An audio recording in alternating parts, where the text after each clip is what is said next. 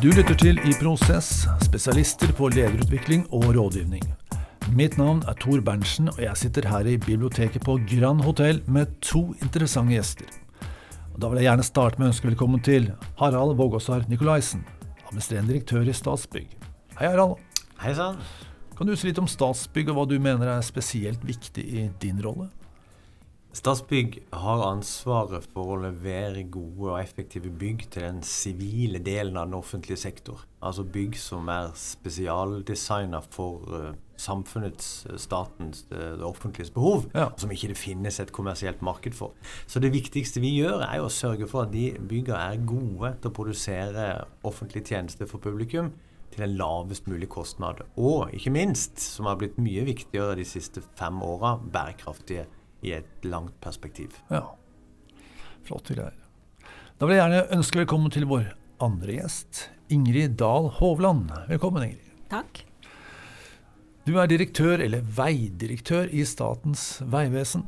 Kan du si litt om Statens vegvesen, og hva du mener er spesielt viktig for deg som leder? Ja, det er å eh, utvikle og levere gode tjenester ute på veinettet vårt. Eh, det er jo du er opptatt av når vi kjører ute på veinettet. Det er jo at vi kommer dit vi skal når vi har planlagt, eh, og at det skjer på en sikker måte. Så det å skape god mobilitet i landet, både for næringsdrivende og for persontrafikk, det er viktig for oss. God mobilitet i landet, sikker mobilitet i landet på en bærekraftig måte. Ja. Det vil øke produktiviteten i landet og, og skape en god framtid for våre etterkommere. Du jeg hadde nesten tenkt at du skulle snakke litt om asfalt igjen nå, men du bygger landet du, altså. Harald, jeg er opptatt av at lytterne våre blir litt kjent med mennesket bak lederrollen. Kan du fortelle en ting om deg selv som gir oss et inntrykk av hvem du er? Ja, jeg Én ting Nei, jeg kan, jeg kan fortelle noe litt, flere enn én, kanskje. Ja, ja, ja, men, altså, jeg, jeg er vel eh, Altså, jeg er opptatt av jobben min. Jeg brenner for det jeg driver med. Eh, det kjennetegner meg. Og så er jeg en familiemann som jeg er glad i venner og familie. Mm. Og eh, det livet mitt går ut på, er vel i stor grad å prøve å kombinere det på en måte som gjør at jeg blir lykkelig. Ja, Og det, er, det kan være utfordrende. ja, ja Jeg har en hobby som jeg tviholder på, og det er korsang. Ja. Ja, så det, altså, Å få de tre tingene til å gå i hop er jo satt på spissen akkurat nå, når det er øvelse til julekonsert og oppkjøring til jul i familien og en del ting som henger på jobben. Jeg har virkelig prøvd ut om jeg klarer å balansere det der. Ja, ja, ja. Vil du si at du er en lykkelig mann? Ja, det er jeg. Jeg har, jeg har et lyst syn på livet. Det hjelper. Ja, ja men det høres jo bra ut. Ingrid, jeg er opptatt av at lytterne våre blir litt kjent med deg også. Kan du avsløre noen personlige hemmeligheter for våre lyttere? Personlig hemmelighet. Jeg tror ikke jeg har så veldig mange hemmeligheter. Jeg er en veldig sånn transparent og åpen person. Eh, Sogninga er jo litt eh, direkte. Eh, så du får det du ser, du får ikke noe mer. Men du får heller ikke noe mindre. Så det jeg er jo veldig opptatt av, både i jobbsammenheng og, og privat, at, eh, å ha en god balanse i livet. Og så er jeg veldig opptatt av at det skal være at mer etter meg på denne jorda eh, når jeg går ut, enn når jeg kom inn. Ja. Så det å skape resultat for framtiden eh, med familien min, altså det å legge et godt grunnlag for eh, familien og, og videre slekt er viktig, og ikke minst på jobben. Altså det å levere godt med teamet mitt eh, til samfunnet. Levere godt på samfunnsoppdraget. Det er viktig. Harald, jeg jobber jo til daglig med lederutvikling og rådgivning. Jeg er litt nysgjerrig på hva du gjør for å utvikle deg selv i hverdagen. Kan du si litt om det? Det er jo fort gjort å bli fanga hva skal du si, ja, i eh, hamsterhjulet eller i e-mailen eller i daglig drift, og, og det, det gjør nok jeg òg, kanskje i litt for stor grad. Ja. Men, men det jeg gjør, er å prøve både å drive utvikling i, sammen med ledergruppa mi på jobben, altså bruke den arenaen først og fremst kanskje til å utvikle mine ferdigheter som leder? Og, og, og samspill med de andre. Og så har jeg også en prøve å ha en gang i året et eller annet kompetansebyggende sånn to-tre dager hvor jeg drar vekk og Ja. får påfyll innen fag eller ledelse eller styrearbeid eller strategi. Men, men det, det begrenser seg til det, faktisk. Men, men jeg syns det kan være greit å prøve å komme seg bort en to-tre dager. Flott. Ingrid, hva med deg? Hva gjør du for å gå fra bra til bedre? Det er jo det å eh, bygge sterke team rundt seg, som i hvert fall har vært min måte å jobbe på i, i mange år. Altså lede flatt. Eh, og det å eh, forankre strategien godt i hele lederteamet. Jeg pleier å si at det er gullrekka jeg har nå. og vi jobber veldig godt og veldig flatt. Og det å være opptatt av det vi faktisk skal levere på hver dag, men òg i det langsiktige løpet. At vi får det til på en god måte. Så du skal både levere kort og, og jobbe langsiktig strategisk og ha hårete mål. Ja. Og så er det noe med å um, hele tid klare å omsette det til det praktiske i hverdagslivet. Hva vi da egentlig snakker om. Uh, hva vi, da, hva vi gjør i det praktiske. Så det å utfordre hverandre hele tida, bli flinke til det, bruke ulike arenaer til det, eh, det er viktig å få inn. Eh, jeg har alltid vært i mitt virke. Kombinere det med god kommunikasjon, det å forstå, involvere og det å levere. Mm. Og det er jo mye god litteratur, og så er det mye godt metodeverk. Eh, og så må du håndtere det å jobbe agilt, altså det å, å at vi klarer å overraske oss sjøl litt i hverdagen, det er òg viktig. Og det er et krevende løp, men det, det, der syns jeg vi lykkes veldig godt nå. Ja, ja, så bra. Jeg tror det, som Ingrid sier, altså det å, å, som leder være opptatt av at uh, medarbeidere skal være motivert, og, og, gi folk følelsen av at de lykkes på grunn av, og ikke på tross av. Mm, mm. Og, og gjøre at folk liksom får sol og medvind, mm. og blir motivert, og at det ligger til rette rette for at de skal kunne gjøre en god jobb og lykkes, det, det er tror jeg, en veldig viktig del av lederjobben. Du hører altfor ofte folk som er litt sånn litt tunge skuldre og syns at de mm. får til ting. Ikke pga. systemet og ledelsen og virksomheten rundt, men litt mer på tross av. Men de står nå på. ikke sant? Og da har folk uendelig mye mer potensial hvis de liksom føler at de stort sett jobber i medvind og, og i sol. Ja. På det spørsmålet så er det jo lett å tenke at nå skal man ramse opp alle kurs man har tatt, og sånne aktivitetstenking. Det kan være en, en måte å svare på det spørsmålet på. Men uh, dere svarer at arbeidet ligger i måten vi jobber på i hverdagen, først og fremst. Uh, ikke på eksterne ting. Mm. Og Det er nok der det bør være for at vi skal være i forkant av utviklingen. Hvis ikke så må noen lage et kurs, og så må du gå på det kurset. Mm. Det kan være relevant, det, altså, men da har det kanskje gått ti år fra den kunnskapen var fersk til den blir tatt i bruk. Mens når hverdagen er i utvikling, så blir det annerledes. Og det er det du får til der og da. Det er kun, det er kun framtiden fra nå og framover. Det er kun det vi får gjort noe med. Ja, ja, ja, Alt som var for en halv time siden bakover, det har skjedd. Det har skjedd. Så det er noe med å, um, å forstå hvor viktig det er. Eh, og jeg pleier av og til å bruke eksempel fra, fra idretten, egentlig. Altså, jeg har alltid hatt lyst til å bli en god uh, skiløper. Det er ikke mange gode skiløpere fra Sogn, det skal nå sies. men da må du òg ut da må, Ingrid, da må du ut og gå på ski den tirsdagskvelden når du kommer hjem fra jobben, eller torsdag, eller fire-fem dager i uka. Du må kunne teknikken. Ja. Så det er noe med å Det du gjør hver dag, det du får over på litt mer auto, det klarer du å skalere. Eh, det kurset som var litt teoretisk, og du forsto det, men du klarte kanskje ikke å sette det helt om til praktisk handling, for du skjønte ikke når du var i den rette situasjonen. Nei, Så det, dette der å forstå handling, eh, en feil handling, mm. kan du korrigere en god foil som aldri er levert, blir en god foil. Ja, ja, ja. Jeg, jeg følger veldig på det, for jeg tror at læring er mye mer emosjonelt enn vi er oppmerksom på. Uh, og hukommelse er også mer emosjonelt enn vi har vært oppmerksom på. Hvis du går tilbake til skoledagene, hva husker du fra ungdomsskolen? Det er noen emosjonelle opplevelser. Og hvis du har bra kurs, og du har lært noe virkelig godt av det kurset, da har, du, da har, du, følt noe. Og den følelsen gir deg en holdning som du kan omsette til praktisk handling. Hvis ikke så har det ingen verdi. Nei, og så tror jeg jo, også som på en måte toppleder i en sånn relativt både spredt og dyp organisasjon, egentlig, som selv, selv om Vegvesenet er mye større enn Statsbygg, så, så, har vi litt av de samme utfordringene. Vi har øh, mange forskjellige typer oppgave spredd over hele landet, ganske langt fra de som er ute og drifter bygg eller ute i asfalten, og, opp til oss. Så jeg tror at uh, altså i veldig stor grad så, så det, er jo summen av handlinger som bygger en kultur. Ja. Det er jo ikke så mye omvendt. At det å snakke om kultur fører til handlinger, det tror jeg er en mye lengre vei enn å endre ved kulturen ved å handle riktig.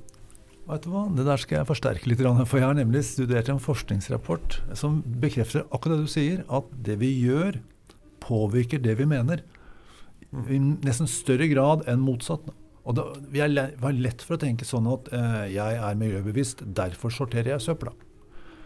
Mens det egentlig er sånn at eh, Det er ikke enten-eller, det er begge deler. Men det er i stor grad sånn at jeg sorterer søpla. Da blir jeg miljøbevisst.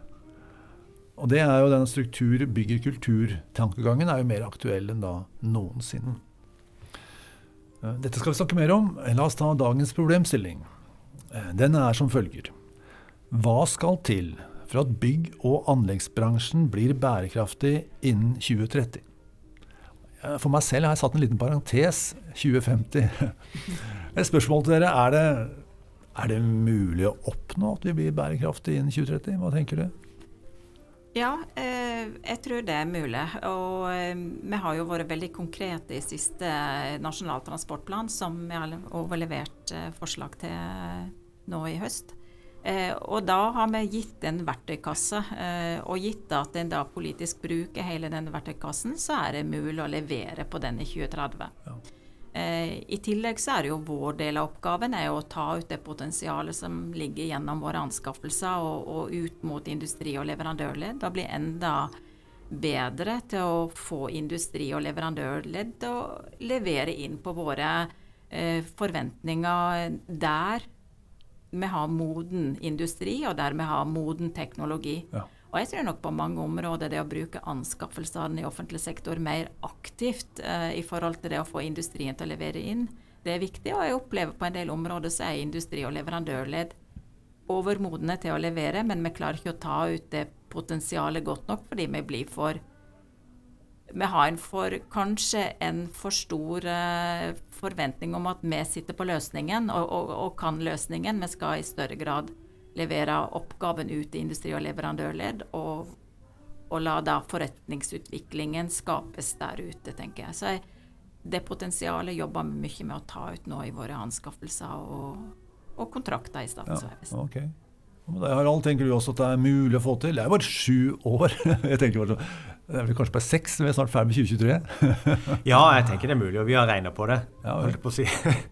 men, men, jeg opplever òg at det, altså, det, er et godt spørsmål, fordi at eh, det, det er tilsynelatende et ganske stort sprik mellom visjonen og ambisjonen om 55 innen 2030 og det vi ser av konkrete handlinger. Og, og for, for Statsbygg sin situasjon, eh, når jeg sier litt sånn flåsete at vi har regna på det, så er det helt riktig vi har gjort det. Og, og litt av grunnen til det er at vi har eh, paradoksalt nok en veldig økning i investeringer og bygging.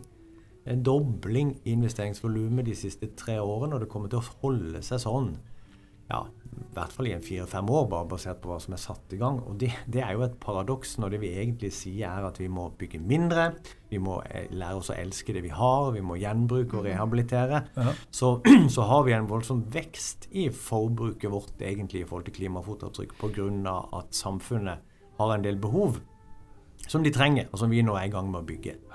Og så er det klart at eh, det å utfordre behovene og si at pga. den situasjonen vi står i, så må vi lære oss å elske det vi har, og vi må klare oss med mindre. Det er en krevende oppgave. Men det blir vi nødt til å gjøre i mye større grad, eh, også på brukersida, også på politikersida. Ta ned kravene, ta ned ambisjonene. Mm. Eh, men, men, vi har altså sett på med de virkemidlene vi har, på tross av at vi har en stor økning i aktiviteten, så kan vi klare å redusere klimafotavtrykket vårt med 55% innen 2030. Vi er, på, vi er nå på, 17 så langt. Okay. Så vi vet hva vi har igjen å ta ut, og vi har en plan for på hvilke prosjekter på hvilke anlegg vi skal ta det ut. Men jeg tror hoved, hoveddiskusjonen som vi må, må altså Jeg er veldig enig i det Ingrid sier om å, å, motivere og engasjere og få innovasjon til å skje i markedet og, og få butikk, eller økonomi i sirkulærøkonomien. Ja. Og der er jo offentlige i Norge veldig store. Vi har en stor offentlig sektor, stat, kommune og fylke, som blir nødt til å dra det i større grad enn man har gjort. Eh, men det er også viktig, tror jeg, at, eh, at vi tør å stille spørsmål ved behovene. Altså hvor reelle er de behovene? Vi vet jo, og vi har sagt dette mange ganger over mange år, at vi vet at eh, bare 50% av de byggene som det offentlige har, er i bruk. Mm. Resten ja. er areal som ikke brukes. Ja. Ja, det, det, er klart at da, da, da, er det der vi må begynne. med å bygge mindre og klare oss med det vi har, og rehabilitere og tenke gjenbruk i stort. Og det er paradoksalt å si for oss som, som stadig vekk øker investeringsrammen vår. Ja, det er et budskap som jeg sjelden hører. Altså Hvis vi skal klare oss med mindre, da Det, det er sjelden jeg hører at hva politikere sier det. Og jeg har jobbet litt, ikke med Jo, med byggebransjen, spesielt kanskje ingeniørbransjen. og eh, da har jeg fått inntrykk av at uh, selve bransjen har fått litt kjeft fordi man ikke har vært innovativ nok. Vel at ikke det er gyldig lenger, men begrunnelsen jeg hørte den gangen, var at Bransjen er så sammensatt, så kompleks, at det er vanskelig å få erfaringsoverføring fra det ene leddet til det andre. og da For å få, få i gang eh, innovasjon, da. Så det blir veldig sånn Innovasjon foregår i si, avgrensede deler av verdikjeden. Og Hvis det er sant, så vil jeg gjerne at dere kommenterer på det. Og hvis det er sant, så vil jeg anta da vil dette med bærekraft lide under den samme, samme begrensningene i Statens vegvesen har vi jobba mye med bærekraftstrategien. Det å, å, forenkle og tydeliggjøre den. Eh, ha satsingsområder. Sånn hvor skal du levere, og hva skal vi levere til hvem. Eh, så det å få en tydelighet i bærekraft samarbeidet i vår organisasjon som er stor, det er viktig ut ifra akkurat det du beskriver. Så du må liksom lage noen eh, arbeidsstrømmer som er viktige. Det vi har gjort, er at vi har tatt tak i behovet der ute på veien. Ja. Du må ta tak i det altså i, eh, hos sluttbrukeren. Hva er det trafikanten har behov for? Jo, han har behov for eh, eh, en vei som er åpen og framkommelig, og at den er sikker. Eh, og hva må vi da gjøre for å levere på, på bærekraft i forhold til det kundebehovet? Ja. Og så har vi nøsta opp bakover derifra. Og, og, det som er tydelig, og som for så vidt òg nå gjennomsyrer det vi har nasjonalt, fra Nasjonal transportplan, som er, en, er vår overordna strategi, det er jo at eh, Eh, det er viktig for oss å ta vare på det vi har, eh, og vedlikeholde godt. Eh, skape verdi på det som er der i dag, og så bygge nytt der vi må. Mm. Og, og, da blir drift veldig viktig. Altså hvordan drifter du og industrialiserer driften din for å levere på framkommelighet og, og, og sikkerhet til sluttbrukeren, til kunden. Ja. Så, så måten vi har jobba med den strategien på, og innovasjon, det er å få det et godt offentlig-privat samarbeid gjennom hele, hele, verdikjeden. Fra målsettingen gjennom anskaffelsen og ut. For det meste av det vi gjør i offentlig sektor, det er jo sammen med andre. 80 av det vi gjør i Statens vegvesen, er levert inn på kontrakter. Eh, altså i det vi skaper og leverer ut på samfunnsoppdraget. Ja, ja. Så det offentlig-private samarbeidet det må du få til å løpe godt. Ha riktig fokus. Og det, Derfor er vi avhengig av å, å, tenke industrielt rundt det med å skape et marked knytta til de leveransene som også Harald var innom, som er viktig for å få til god framkommelighet, for å få til eh, sikkerhet på en bærekraftig måte. Og da jeg ser bare måten vi har modernisert drift på de siste fire årene, eh, med å ta i bruk eh, ny teknologi, og måten vi nå rigger kontraktene våre på, er veldig interessant. Liksom en ung, oppvoksende generasjon som er opptatt av, eh, av sensorikk.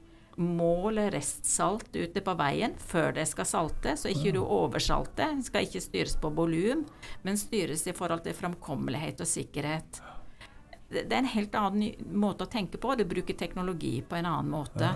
Så det å få til den eh, verdiskapningen innenfor bærekraft mot sluttbrukeren og kunden, eh, der tror jeg òg det er viktig å få på oppvoksende generasjon, altså de som er, er født etter 1994, eh, blir det sagt. For da har du, du har en helt annen teknologiforståelse altså rundt det å bruke digitaliseringssensorikk, bruke data mer aktivt, bli mer aksjonsorientert i handlingen din. Den handlingen din, det er for den der ute som sitter fast i en bil, eller, eller har en hendelse på veinettet. Mm. Og da klarer vi å rette investeringene våre riktig. Eh, altså det snakkes jo mye om de 90 milliardene som er nå i, i nasjonal veitransport, uh, altså i nasjonal transportplan, at det er mye penger. Og for vår del, da, som er litt ca. 40 milliarder, så mener jeg at det er viktig at vi da klarer å dokumentere tilbake. Ja, vi har i løpet av den fireårsperioden vi nå har bak oss, så har vi, har vi fått mer sikker vei i Norge. Ja. ja. vi har fått mer oppetid på veien. Dvs. Si landet har fått mer mobilitet. Og investeringene har vært retta riktig. Så du må se en sammenheng mellom hvordan vi i samfunnet bruker skattebetalerne sine penger, i forhold til det vi da får ut av leveranser på samfunnsoppdraget. Mm. Og det må kunne måles i de store sløyfene. Ja. Jeg er nysgjerrig på disse målingene, men uh, la oss ta først en liten kommentar fra bryggebransjen, som du representerer. Er det samme, uh, samme si, avhengighetene der? Det er, um, det er, nok det i noen grad. Og så er det Jeg tror det opplagt er sånn at det har vært stor vilje til innovasjon i næringa. Det er mange som har prøvd mye interessant. Og bransjen opplever jeg til å være nokså entydig på at de, de er klar. De ønsker å ligge i front. De har eh, vilje til å prøve, og de har prøvd mye forskjellig. Og kanskje det er akkurat er det som er litt av problemet. Men de har prøvd veldig mye forskjellig. Og det er veldig mange piloter og, som ikke har gått fra pilot til praksis og ikke blitt skalerbart. Det er jo litt det dilemmaet du peker på. ikke sant? At det er en litt fragmentert bransje. Og um, vi må nok for, å få ut gevinstene som Ingrid snakker om, så, så, tror jeg vi må ha klare å balansere innovasjon og, og, styring og struktur litt bedre. Mm. Altså vi må, og, og da er byggenæringa fragmentert. Det er veldig, veldig mange aktører som bestiller bygg. Eh, ikke sant? Som, det, er, det er færre som bestiller vei. Det er veldig veldig mange som bestiller bygg og gjør det litt forskjellig. Og det er mange leverandører som leverer en liten del av verdikjeden, og som forsøker å innovere innenfor sin del, men så får du ikke transponert over til de andre delene av verdikjeden, og så blir det et stort eller et lite slag i lufta. Litt sånn full fart forover i alle retninger samtidig. Så, så, men det er jo et dilemma. For i den grad du Jeg har ikke noe tilhenger av at staten skal velge teknologi. For da, da, kan det jo gå veldig feil. Men, men større grad av samordning, tror jeg, ja. mellom eh, de store som anskaffer i forhold til funksjonskrav, sånn at det blir forutberegnelig for næringa. At vi kan liksom tegne et løp som man har gjort på batteriferjene over en tre-fire år, om at vi ønsker å utvikle denne type produkter. Og, og Hvis alle prøver å gå i den retninga og si at når det kommer, så skal vi kjøpe det. Ja. Da skal vi bestille det. ikke sant? Og Da kan det regne med at det kommer et ettermarked. Jeg tror vi må bli flinkere til å tenke sånn for å få bukt med det problemet. For det er jo ikke noe konsumentmarked. Altså Det er jo ikke sånn som, som vi snakket om før vi begynte her, at hvis det kommer en ny iPhone, så vil alle konsumentene ha den, selv om den er litt dyre, fordi det er det nyeste. Og Sånn er det jo ikke for de som går inn i et kontorbygg. De vil jo ikke bytte bygg fordi om det kommer et nytt, nytt betongprodukt. Eller, altså, det er ikke styrt av konsumentatferd. Det er mye lengre ledetid. Så da må det planlegges, tror jeg. Litt mer strukturert. Ja. En sånn refleksjon som jeg gjør meg her. Um, du sa nettopp at uh, man ikke ville at staten skulle bestemme teknologi. Men man gjorde det på elbil. Så bort med bensin og diesel, inn med elekt elektriske motorer. Mm. Så Det er det ene som jeg vil ha en kommentar på. Det andre er, det er uh, bransjen, i hvert fall byggebransjen, er fragmentert. Men så er vel alle samarbeidspartnerne dere mm. har mm det er jo ikke få samarbeidspartnere. Jeg, jeg, tror nesten hver kommune i Norge har sin egen kommunale plattform. Mm. fleiper jeg litt, men det er, det er, vi er liksom ikke verdensmestere på samhandling eller samordning i, i Norge bestandig. Det er liksom mye individuell frihet eller lokal frihet. Det er det. Og, og det er klart at det, det, du har rett i det med at, eh, altså, at man, må, man må komme med tydelige insentiver, som, er, som man gjorde f.eks. på elbil å, bestille. Men man må ikke gå for langt i å designe hva man skal bestille. Nei, nei jeg skjønner Det kan bli begrensninger også. Det kan bli begrensninger, og du kan, og du kan velge feil. Så, så, det der er rett eh, Det må vi balansere riktig. Men litt av problemet nå opplever jeg er jo at man eh, i mange sammenhenger er for redde for å stille krav. Ja. Altså der, eh, Jeg møter ofte det at nei, vi, vi, tør ikke å stille på en måte fra politikere og myndighet, siden vi, vi vil ikke stille krav. Fordi at Eh, det er, um, da kan det hende vi stiller feil krav. Det kan hende vi utelukker noen, det kan hende vi ikke vi treffer riktig. Og så, og så, tenker jo jeg at i den situasjonen vi står i nå, så er antageligvis risikoen ved å ikke stille krav og vente på en klimakrise, den risikoen er mye større. Og Det syns jeg man i liten grad har tatt ja. inn over seg. At man i større grad tør å stille krav, så kan man justere på det hvis det skulle vise seg å ikke være riktig. Men jeg tror at det offentlige og staten og politikerne må i større grad stille krav til næringa. Men jeg, jeg har lyst til å bare skyte inn, for, for, det ene er jo å gjøre teknologivalg. Og det gjorde en jo eh, på vei. Det var jo 2016 en la inn insentivet i forhold til elbil. Mm. Og en så jo da fra Statens vegvesens side hvor vellykka den omleggingen på ferje hadde vært, og vi har god tilgang på elektrisk kraft i Norge. Mm. Så det var jo eh, et eh, klokt og, og dyktig insentiv ja, ja, ja. som ble lagt inn. Og det hadde vært gjort noen kloke valg eh, tidligere. Og det samme gjorde en jo litt i samme periode rundt det med nullvisjon på trafikksikkerhet. Altså en gikk tungt inn og, og, la inn virkemiddel og, og har styrt i, i, mange år da, i den retningen, og ligger jo i spiss i, i verdenssammenheng på det området. Altså sikkerhet, men også på elektrifisering. Mm. Så det å, å, men det å lære å bruke av den, den måten en der har lært seg å jobbe på, det tror jeg òg en skulle tenke litt på, fordi det å bruke insentiv, eh, sånn som det er gjort i, i, både når det gjelder sikkerhet for så vidt, og elektrifisering, det er, veld, det er veldig gode virkemiddel.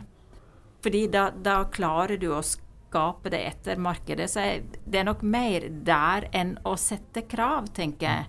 Altså Klarer du å løfte ut gode insentiv, og det viser seg å være riktig, så gir det spin-off. Mens eh, det å stille krav Du kan alltid òg korrigere et feil krav, men det, det, er tyngre, du er mer bakpå. Så det er noe med framfoten og bakfoten mm. her eh, som jeg tror er viktig. Ja. Eh. Og så er det noe med at når du, som jeg kanskje ser litt nå når vi skal ta bort igjen et gode i samfunnet, som da elbilinsentivene er, og inn mot bompengering og alt rundt det. Men så en bør kanskje òg tidsbegrense det. Altså på et eller annet tidspunkt hvis det flyr. Altså At du òg har bevisst, et bevisst forhold til det. For i Norge da så blir fort ting politisk, og det er klart at eh, eh når vi diskuterer i politikken om vi skal ha månedskort eller andre apper, så er det jo litt krevende hvor langt inn du skal Det er nok med balansen her òg i forhold til da å, å styre. Ja. Hvordan eller jeg antar at elbilsatsingen og kanskje også på ferje har vært en, en, formidabel suksess nettopp fordi det har vært skalerbart. Og så nevnte jo du denne fantastiske betongen. Er det slik at Det virker så mye mer sammensatt det er et bygg. Du kan liksom ikke bare velge el, et elbygg. Altså sånn. det, er, det, er det, er liksom ikke to valg. Bensin eller eller elektrisk. Og så må vel alt være skalerbart for å gi effekt. Produktene er jo mye mer altså enkeltstående produkter. Så du setter sammen et bygg av veldig mange typer enkeltstående produkter, hvor de som bruker bygget til slutt, ikke har noe forhold til hvilke produkt de er opptatt av funksjon, og, og om bygget ja. er bra. Så, så det er en lengre ledetid. Uh, som nok kanskje gjør det også litt vanskeligere å insentivere og treffe riktig på insentivet, tror jeg. At det kan være litt, det kan være litt mer krevende. Og jeg tror, altså, jeg tror f.eks. Det, med, det med elektriske gravemaskiner eller elektriske anleggsmaskiner er et eksempel på et område hvor vi ikke har fått det til. Det er, og de som har satsa på det, opplever jo nå en tørke. Og, så, og at de har lagre fulle av gravemaskiner, for de trodde det skulle skje det samme som skjedde på elbil. Ja. Og der hadde vi jo den, og Ingrid har helt rett, altså det, dette handler jo ikke om altså Jeg tror insentivet er mye bedre enn en krav, men på noen områder så tror jeg kanskje du må, må bruke begge deler. Jeg syns jo f.eks. at det offentlige eh, at det er veldig rart at man ikke har krav til energieffektivisering for offentlige etater. Det tenker jeg er et krav man kunne dra til meg, ikke være redd for. Og så vil det føre til at det blir mye mer og mye raskere fokus på energieffektivisering, og at det blir et mye større marked for det der ute. Ja. Det, så kan man helt sikkert også insentivere det, men man kan gjøre, man kan gjøre begge deler. Eh, tenker jeg. Men hva var det egentlig du spurte? Nå glemte jeg spørsmålet. Jo, men Jeg er nysgjerrig på sånne ting som at f.eks. den betongen. Mm. ikke sant? Kunne man da sagt, som Ingrid sier da, som et eksempel, at eh, jo, nå skal alle bruke denne betongen i fem år? Ja, det tenker jeg man, tenker man kunne ha, ha sagt. Eller jeg er ikke sikker på om det er, det er lurt, men man kunne stilt krav om at uh, alle bestillere må velge materiale som tar ned klimafotavtrykket. Og så kunne på en måte vi i, i noe større grad, Ja. vi som bestiller mye betong, eller vi som bygger mye bygg, satt oss ned sammen med næringa. Hatt en dialogkonferanse, invitert til innovasjon og, og blitt enige om ja, hva, hva er det da vi skal gjøre, hvis det er dette vi skal oppnå. Ja. Og, og, og, fokusere litt mer. Ikke nødvendigvis krav i den betydning at du skal velge den type betong, men, men krav om at nå må dere få ned klimafotavtrykket. Vi forventer at det skal ned med så mye. Og, men vi trenger ikke krav nødvendigvis heller for å gjøre det. Vi, vi kan jo sette oss ned og, og, og, og gå i gang. Men jeg tror på en måte litt som, som Ingrid sier, at vi er avhengig av den her dialogen mellom Altså for at det skal bli stort nok i byggenæringa og få gjennomslag på, hos leverandørkjeden, så må, så må noen av de som bestiller mye, sette seg ned og bli enige om en målsetning og invitere næringa inn til en innovasjonsdiskusjon om hvordan skal vi få det til. Og tilbake til disse gravemaskinene. Det, var, det er vel der, der som det gikk litt feil der. For det var noen som gjorde det, og noen som ikke gjorde det. Ja. Eh, Og når det ble litt dyrere, så var det noen som hadde tenkt å gjøre det, som valgte å ikke gjøre det. Og så ble det veldig uforutsigbart for de som skulle investere i teknologien og skape et marked. Og så tror jeg bare lyst til å følge litt opp det som Harald er inne på. at det, Som du sier, det var noen som gjorde det, og, og noen som ikke gjorde det. fordi at det å utvikle gode anskaffelser eh, som, og, og ha god bestillerkompetanse, er jo ofte det begrepet vi bruker på det. Det det er en kompetanse som du utvikler over tid. Det er ganske krevende løp. Og jeg ser på ferjesida, bare la oss bruke det igjen som et eksempel. Der var vi tidlig ute og, og fikk lagt om ferjedriften da, til, til grønne drivlinjer. Det var gjennom anskaffelsen at det der har skjedd. Og en har optimalisert logistikken. En har gått fra digre parkeringsplasser ned til små, eh, mindre parkeringsplasser. Mindre fartøy, økt frekvensen opp mot da den ladestrukturen du har som er proprietær på de sambandene som de ulike ja, eh, altså rederiene har sammen med sin del av industrien. Eh, også fordi det var for tidlig å standardisere det. Det vi ser når vi da hadde oppnådd det da på våre riksveisamband og på en del fylkesveisamband, så valgte en jo å kjøre en reform. så en vi har 16 samband igjen nå og har nådd det grønne skiftet på, på riksveisida. Og så ligger det øvrige 100 i Norge ute på et fylke på ja, 12, 13, 14, 15, 16 fylkeskommuner. Som da er en spredt kompetanse igjen. Sant? Jeg har lyst til å reise spørsmålet hvor klokt var det? Eh, Sett i lys av bestillerkompetanse. For at det jeg ser på ferjesida i Statens vegvesen, det at den ligger hakket foran resten på anskaffelsessida. Nå er vi ute i Lavik-Oppedal, den første som skal over på auto for å automatisere lassing, lossing, drift, eh, eh, sikkerhet og alt rundt det. Så må du digitalisere. Så det ferjesambandet det er vi nå i ferd med å digitalisere som det første, og bli, vil da styres og kjøres fra land og kunne være i automatisert posisjon, men med da sikkerhetsfolk om bord. Veldig interessant, for da blir ferja en del av transportsystemet. Og, og vil da styrer du ikke lenger på accuracy, men, men på behov og funksjon, som jeg var innom. Så det er noe med å forstå at eh, det er en del effekter i forhold til funksjon eh, framover, sånn som jeg ønsker knytta til mobiliteten i Norge, som vi da kan ta ut på eh, autonomi, altså det å bruke ny teknologi. Eh, men for å kunne automatisere, så må du være digital. Eh, så det å forstå og det potensialet som ligger i det inn mot bærekraft For det er mange bærekraftsmål. Ja. Eh, arealer som vi kan måle, følge opp. eh, Sant? Eh, og i offentlig forvaltning i forhold til å få tellekanter på alt av bærekraftsmål, så er nok digitalisering AI og et veldig godt virkemiddel. Så, så det å det, er- det er mange fasetter her som vi må ha med oss inn i den bærekraftsdiskusjonen. Og jeg har bare lyst til å dra fram ett, siden vi snakker om bærekraft, og det er jo sosial bærekraft. Ok.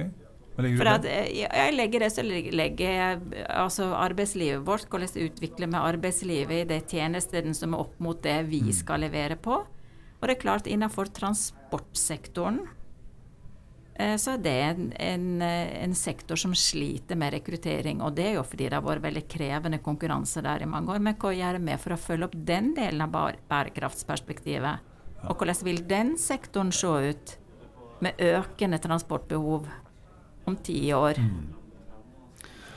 Jeg ser Jeg ser og ser. Jeg blir forundret over uh, si, kompleksiteten. Jeg visste at den var høy, men den er mye mer krevende enn det jeg så for meg uh, i utgangspunktet. Men jeg, tror, ja, men jeg, tror, at det er på en måte en um, ja, Det er både riktig og ikke riktig på samme tid. Altså, for det, det er klart vi er, vi er helt avhengige av å gjøre dette enkelt og forståelig hvis vi kan, komme, hvis vi kan få folk med på liksom den veien mot et mer bærekraftig samfunn og, og unngå, unngå, den klimakatastrofen som vi står foran, så, så, må vi gjøre det enkelt og forståelig ja. for, uh, for, de ansatte, for folk der ute og, og, og for næringa. Det må være forutsigbart, og vi må antageligvis forenkle måten vi kommuniserer på, tror jeg. Uh, og, vi har jo altså Du snakka litt innledningsvis om, om strategi og, engasjement. Og, og, det som vi har eh, i Statsbygg har hatt veldig gode erfaringer med, det er at vi har tatt bærekraftmålene våre og så har vi liksom regna det ut på det vi driver med. Og funnet ut at hvis vi skal nå 55% i 2030, altså hvor er, i vår virksomhet er det vi skal ta det? Og, og da kommer vi opp med en del overraskende funn. Egentlig når du begynte å regne på det, som ikke stemte helt med det folk trodde. Altså ja, vi må gjøre ganske mye på um, vi må gjøre ganske mye på byggeprosjektene, men det er en del andre ting vi, vi ikke har sett som vi må gjøre, som er ganske lavhengende frukter. Og, og, effekten av det var i hvert fall hovedsakelig var jo det at hele organisasjonen ble engasjert i hva er deres bidrag. Ja. Hvor, I forhold til vår verdikjede og vår prosess. Eh, hvor er det vi kan ta ut gevinsten? Og da da er det ikke så farlig om, om det på nasjonalt nivå på overordna nivå er litt komplisert hvis på en måte vi har tiltro til at den nedbrytninga er sånn omtrent riktig, så folk vet at dette kan jeg forholde meg til å jobbe med. Ja. Så, så, jeg tror ikke vi må Selv om det er vanskelig, så, så, er det også mulig å gjøre det relevant for hverdagen til folk. Og mm. på en måte Det syns jeg også Vegvesenet har vært veldig flinke til. altså I forhold til asfalt, f.eks., mm. som nesten alle i Norge tror jeg mm. vet om og har forstått og kan bli motivert av, og ferdig og sånn. Så, så det, jeg er ikke helt sikker på om, om vi skal sukke over at det er så komplisert. altså. Nei. Men eh, en sånn visjon har jo som regel eh, om vi skal erobre verden eller gjøre verden til et bedre sted, eller noe sånt noe, og så ligger det noe business i det, vi må tjene penger. Mm. Um, er det nå slik at bærekraft har blitt et poeng i seg selv, slik at det har en naturlig del i denne visjonen? Og virker det, virker det like motiverende som de andre ja, de, eh, elementene? Ja, de gjør det. Og så, så opplever, opplever, jeg nok kanskje i hvert fall i enkelte deler av samfunnet, så, så, er det jo akkurat nå og Det er min personlige oppfatning, men akkurat nå er det på en måte finansbransjen og EU som i større grad driver kommersialiseringa og setter bærekraft på dagsordenen. Og Du får ikke billig lån hvis ikke du er bærekraftig. Ikke sant? Du får ikke finansiering hvis ikke du er bærekraftig. Du får ikke, altså Det er license to, to operate å være bærekraftig. Uh, og det gjør jo at selv om du ikke nødvendigvis kan regne det fram på kort sikt, så i forhold til aksjeverdi og um, omdømme og framtidstro, så er det lønnsomt. Ja. Der står i hvert fall deler av offentlig sektor litt igjen på perrongen. For de har ikke det langsiktige perspektivet og driven, og det er i mye større grad kortsiktige investerings- og bedriftsøkonomiske beslutninger som gjør at man velger bort klima. Så der mener jeg nok at uh, vi i dag er en litt paradoksal situasjon, egentlig. Eller, eller, det er kanskje bra, da. Men det er, det er bankene, forsikring, privat næringsliv, eh, aksjeselskap og EU som egentlig er den største driveren. Og det er, det er kanskje bra, men, men, det offentlige må i hvert fall passe på å henge, henge på. Ja, det er jo klart. Uh, hvordan er det de ansatte opplever dette? Det er jo en uh, er jo en, et miljøengasjement om dagen. Uh, kanskje spesielt blant de yngre. Jeg vil ikke ja. si at de eldre ikke er interessert i miljø, men uh, ja, jeg, jeg, tror i dag at du, hvis ikke du klarer å gjøre bærekraft til en, et, eh, et, gen i det du gjør til daglig, så vil du sakke veldig raskt uh, akterut. Og ikke minst i forhold til det å rekruttere, få inn uh, yngre arbeidstakere, som er utrolig viktig i det løpet her. Så det å, å få unge, altså få inn den generasjonen mm. som skal ta over etter oss, det er opptatt av det her på en helt annen måte. Jeg har hatt det i skolen fra da jeg gikk i første klasse, og, og er opptatt av det på alle nivå. Det er opptatt av det i materialdel, miljø, artsmangfold, støy, luft, alt. Eh, men òg den sosiale biten av det. Eh, så det å og på en måte hele tiden klare å, å bryte det ned til 'what's in it for me'. Det er viktig for den ansatte, og det er viktig for det at den ansatte da forstår hvilken oppgave Altså hvor er min brikke i det store puslespillet her. Så vi har jobba veldig mye med å konkretisere det for alle ledd av organisasjonen. Ja. Eh, hva betyr det i, i praksis? Og, og det, det handler veldig mye om forenkling. Og det å tydeliggjøre. Eh, og det som vi snakka mye om sånne one-pagere, altså det å klare å fortelle de gode historiene ut. Mm. Forenkle hverdag, gjøre det bærekraftig, få resultat raskt fram. Bruke resultat til å skape nye resultat, bedre leveranser på samfunnsoppdraget. Mm. Mm. Det gir mening. Absolutt. Så det å, det å klare å konkretisere er, er, veldig viktig. Få opp eksempler, få opp de gode, de gode casene. Ja. Men jeg er veldig opptatt av det med sosial bærekraft. Og det er liksom to eh, ting der jeg, fordi jeg ser at transportbransjen i Norge er en bransje som sliter. Så jeg kan ikke det, det er vanskelig for meg som leder å stå inne for at transporten av materialtransporten inn og ut til, våre anlegg eh, Det skal òg være bærekraft i, i de som kjører den delen av transporten. Eh, og grunnen til at jeg sier det, er fordi at det er en næring som sliter med å rekruttere unge i dag. Den sliter med å rekruttere jenter, og den sliter med å rekruttere unge. Og det er ikke et godt signal. Det er, en, det er en yrkesgruppe som sliter mm. med en gang i mitt hode. Ja. Og, og, og, det er klart at da er konkurransevilkåret i forhold til det arbeidsrettslige og sosiale ikke helt på stell. Og det, det er noe med alle de jeg tenker på det når jeg ser i mitt nabolag. Det er generert veldig mye trafikk eh, det siste året knytta til netthandel. Altså det, alt som blir levert på døra di. Og hvis du er rundt disse kassebilene som durer rundt i, i nabolaget ditt, er ingen som snakker norsk. Og de er ombygde, og jeg tror neimen ikke de er godkjent heller. Så eh, eh, det er ting ved den måten vi handler og opererer på som jeg, jeg syns er vanskelig å stå inne for. Ja. Altså Jeg ser at her har vi en utfordring, og her er vi som offentlig aktør en viktig premissgiver inn. Og det er viktig for oss å eh, ha et tungt bein inn og, og, kunne møte de utfordringene som vi ser i den utviklingen. Ja. Hva tenker du Harald, om dette med konkretisering? For det har vært eh, et, en bekymring eller en undring jeg har hatt da, på at eh, bærekraftstemaet er ganske sammensatt. Så det er veldig mange områder. Og effekten av det vi gjør i dag, den kommer ikke i morgen nødvendigvis. Den kan komme om ett år eller ti år, eller kanskje enda lenger. ikke sant? Mm. Så ja, Kan du si litt om, om hva dere gjør for å få til det? Ja, vi har på måte på mange måter som Ingrid også sier, vi har jobba med, med, dette over ganske mange år. Altså, vi har også vært med å definere og lage en norsk standard for hvordan du skal beregne klimagassutslipp, f.eks. Som ble sluppet på Arendalsuka for fire år siden, tror jeg, eller noe sånt. Mm. Du må begynne, altså, og Før det så var det jo ikke noe enhetlig måte å, å regne det på. Og det var heller ikke noe verktøy for å regne det. Men, men det at vi har, har brukt også litt tid på rett og slett på fotarbeidet og jeg, nå vet vi hvordan vi skal regne det. Det stemmer med taksonomien i EU, og vi kan ta for oss virksomheten vår og regne på hva, vi, hva har vi hatt av utslipp de siste årene, hvordan går det nå. Som en del av, av prosjektmodellen og governance-strukturen vår, så har jo vi at når vi passerer forskjellige milepæler, så regner vi på hvordan det går med klimafotavtrykket i prosjektet. Ja. Foreløpig er det, er det bare på planet-delen av bærekraft. Vi har på en måte ikke de type mekanismer på sosial bærekraft f.eks. som man jo kunne tenke at vi kunne hatt.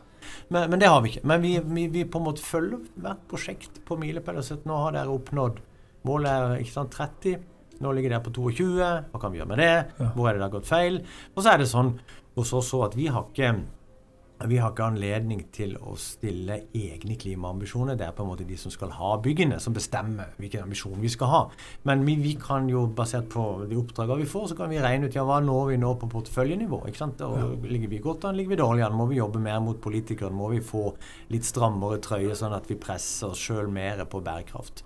Og det at det er konkret og kan regnes på, og kan fordeles ut på alle deler av virksomheten. Vi har brukt mye arbeid på f.eks. en sånn ting som å være sikker på at vi måler energiforbruket riktig på de 2000 eiendommene våre. Og at det er lett tilgjengelig for de som jobber der, og at de kan følge med på hvordan det går. og få en sånn altså Hvis du har glemt noe eller styrer anlegget feil, så får du på en måte en automatisk push om at nå er strømforbruket høyt. Hva, hva skjer? Ja. Eh, og den type ting som gjør at, folk, at, det betyr noe for folk i hverdagen. Da skaper du også, som du sa selv, da skaper du en holdning. Du, blir, du, måler strømmen, du følger med hvordan det går, du blir opptatt av energi, og du blir klimabevisst. Ja. Og jeg tror det at vi er, kan være konkrete på det, og at ikke det er på en måte grønnvasking og bare ideale eh, og litt sånn foile, eh, som du sa, Ingrid, men at vi kan være konkrete, og også at vi har et klart mandat om å utvikle næringa og bransjen vår på den måten det appellerer veldig når vi skal rekruttere. Det mm. ser vi. Ja. At det, det, at vi kan si at vi har en ambisjon som er litt utover oss sjøl òg. Vi skal dytte på samfunnet, bidra til samfunnsutviklinga innenfor noen viktige områder. Det, det syns folk er motiverende. Ja. Det er liksom en, en, litt sånn høyere himmel over det du driver med, og det, det, mm. det motiverer folk. Vi, vi, er ikke lønnsledende. Det er vi ikke Dessverre, for så vidt. Kunne godt tenkt meg å vært det, men, men vi, er, vi, er, langt fra det. Men, eh, men vi rekrutterer ganske bra likevel pga. både at det er meningsfylt og vi har mm. spennende oppgaver. Og vi kan være konkrete på hva vi når og resultatet. Ja. Det er jo meningsfylt å bidra til at verden blir et bedre sted. Det er helt sikkert. Ingrid, hvis alt går slik du ønsker de neste seks månedene, hva har du oppnådd da? Da har jeg oppe og går en uh, veldig god uh, dataplattform. Altså Vi jobber mye i disse dager med å modernisere Nasjonal veidatabank, som uh, har ligget som et utviklingsprosjekt i 30 år, tro det eller ei. Men å få den over i drift og få migrert den over på nye, nye plattformer, altså skyløsninger. Og hvorfor sier jeg det? Jo, jeg sier det fordi det er så utrolig viktig for å ha en god oversikt over transportsystemet og hendelsene i transportsystemet til enhver tid. Og vi har med kart og ja, data og posisjonert eh, på, på, en god måte. Da har vi eh, robusthet i veisystemet. Vi følger det opp, og vi, vi klarer å få gode omkjøringsveier og få skape forutsigbarhet, framkommelighet og god sikkerhet for, for veibrukeren. Og det er så viktig for å utvikle transportsystemet, for er fem millioner innbyggere i det landet her som mm. bor veldig spredt. Og enkelte skal håndteres med høy, høyere bruk av kollektiv. Men arbeidshestene er på mange måter likevel bilen når det kommer utover hele landet. Ja. Eh, og den må bli grønn. Mm. Harald, hvis alt går slik du ønsker de neste seks månedene, hva har du oppnådd da? Det er faktisk eh, veldig likt det Ingrid sier. Altså, vi har også en stor omveltning på gang internt i forhold til å bruke altså prosessorientere virksomheten. Eh, samle data, bruke databasert beslutningsstøtte og automatisere beslutninger. Bruke kunstig intelligens til å styre eiendommen og prosjektporteføljen vår ja. bedre og mer effektivt. Og, og, Det er nesten et paradoks altså, at så langt så har på en måte det å transportere informasjon gjennom prosjektene over til drift har, har, nesten vært sett på som en byrde. Altså Det koster oss mye penger. Og det er veldig problematisk for oss. ikke noe, Det er kjempeutfordring. Mens det er jo der gullet ligger. Ja. Og det, hvis alt virkelig går som, eh, som, det skal, og vi har sol og medvind, så har vi på en måte fått det til. Ikke løst det i praksis, men funnet ut av hvordan prosessen vår skal være for at vi skal få det til det neste halvåret. Ja, Veldig bra. Da er vi nødt til å avslutte. Hensikten med denne refleksjonen er økt bevissthet. For vi tror at det du er bevisst, kan du gjøre noe med, og det du ikke er bevisst, gjør noe med deg. Hvis du som hører på oss ønsker at vi skal styrke din bevissthet ved å invitere spesielle gjester eller belyse spesielle problemstillinger, kan du sende oss en e-post til post at iprosess.no. Da sier jeg takk til våre gjester. Takk, Harald. Takk, Ingrid. Takk skal du ha. Takk til våre lyttere, og på gjenhør.